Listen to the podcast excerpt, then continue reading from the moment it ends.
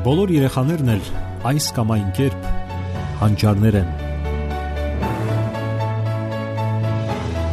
Խնդիրն այն է, որ այդ հանճարեղությունը այս կամ այն կերպ ի հայտ բերվի։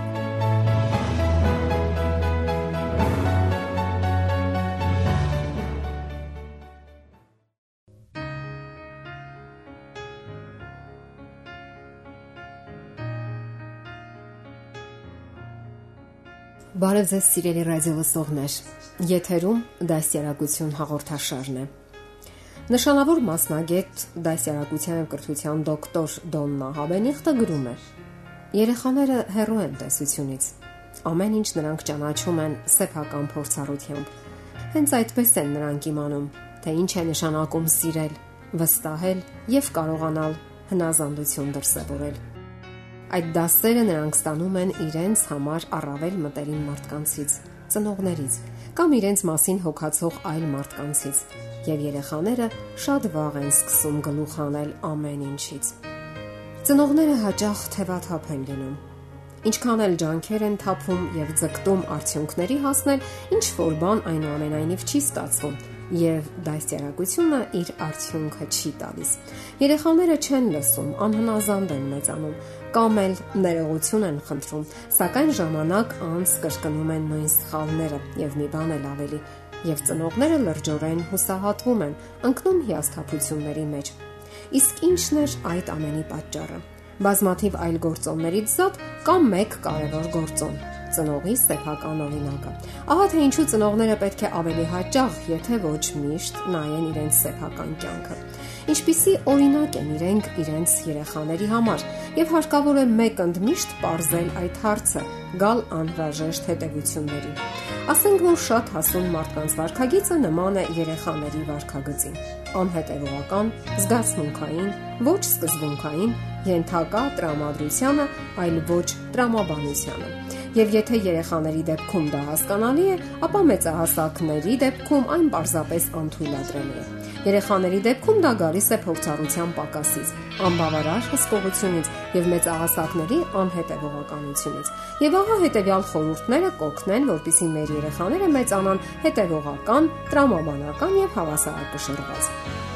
Խորհուրդները վերաբերվում են մեծահասակներին։ Նրանք պետք է լինեն այնպիսին, ինչպիսին ցանկանում են, որ լինեն իրենց երեխաները։ Չէ՞ որ ակնառու դասը լավագույն օրինակն է երեխաների համար։ Այդ դեպքում խոսում են ոչ թե բառերը, այլ սեփական կյանքը։ Շատ ծնողների թվում է, որ եթե երեխան փոքրիկ է, նա ոչինչ չի հասկանում կամ չի տեսնում։ Իսկ փոքրիկները բավականին խորաթափանց են եւ շատ բան են հասկանում։ Եվ ինչքան էլ չհասկանան, Նրանք մեխանիկորեն կրկնում եւ ընթորինակում են, ինչն իրենց աչքի առջև է։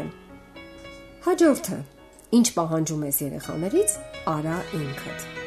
Եթե խաղաղ բնավորություն ես պահանջում, ապա նախ ինքդ պետք է լինես այդպեսին։ Եթե չես ցանկանում, որ քո երեխան հայհոյի, ապա ինքդ մի հայհոյիր։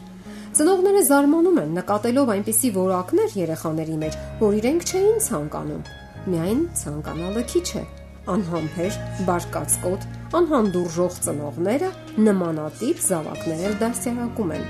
Պետք չէ անտեսել վարքը ընտանիքում։ Կարևորեք ձեր հարաբերությունները նաև ձեր կողակցի հետ, վարվելակերպը եւ զգայականության աստիճանը։ Այդ ամենը նրանք համարյա թե պատճենում են։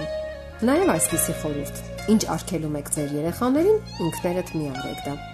Ծնողները հաճախ լուրջ-լուրջ արգելում են երեխաներին խմել կամ ծխել Սակայն իրենք տրվում են այդ մոլություններին։ Կարող է արդյոք երեխան լուրջ ընդունել ծնողի ասածը, եթե նա ինքը լուրջ չի ընդունում իր խոսքերը։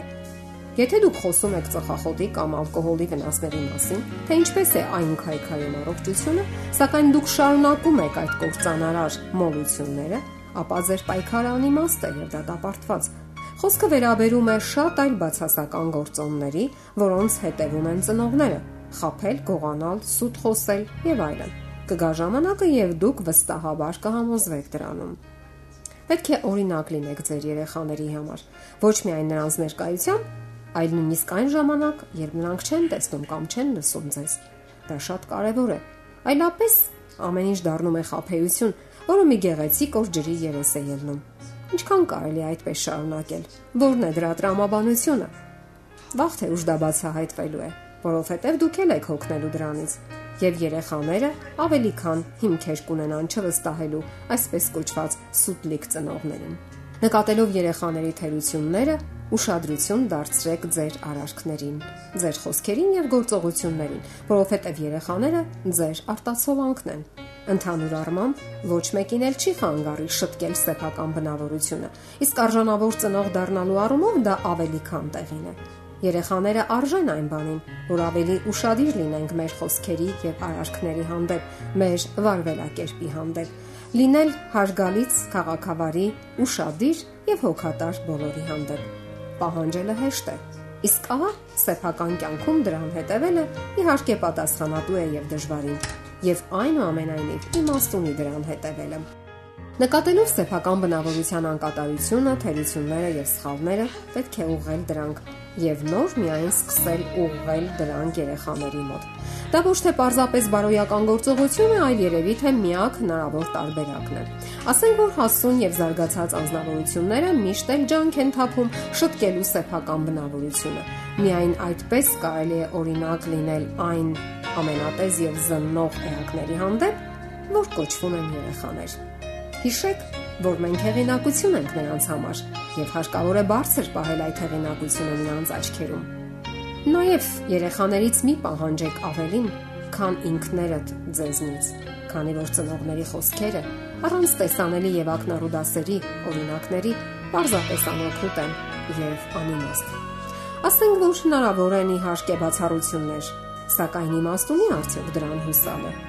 Ի վերջո, պետք է ճիշտ պատկերացնել այն ողջ բարդ եւ պատասխանատու գործընթացը, որ կոչվում է դասյարակություն եւ որին կոչված է յուրաքանչյուր հասուն եւ գիտակից անznավորություն, ով կամովին ընտրել է ծնողի կանչվածությունը։ Սիրելի ռադիոլսողներ, եթերում դասյարակություն հաղորդաշարներ։ Ձեզ հետ է Գեղեցիկ Մարտիրոսյան։ Ձեզ ուզող հարցերի համար կարող եք զանգահարել 093 00 6327 կամ 094 93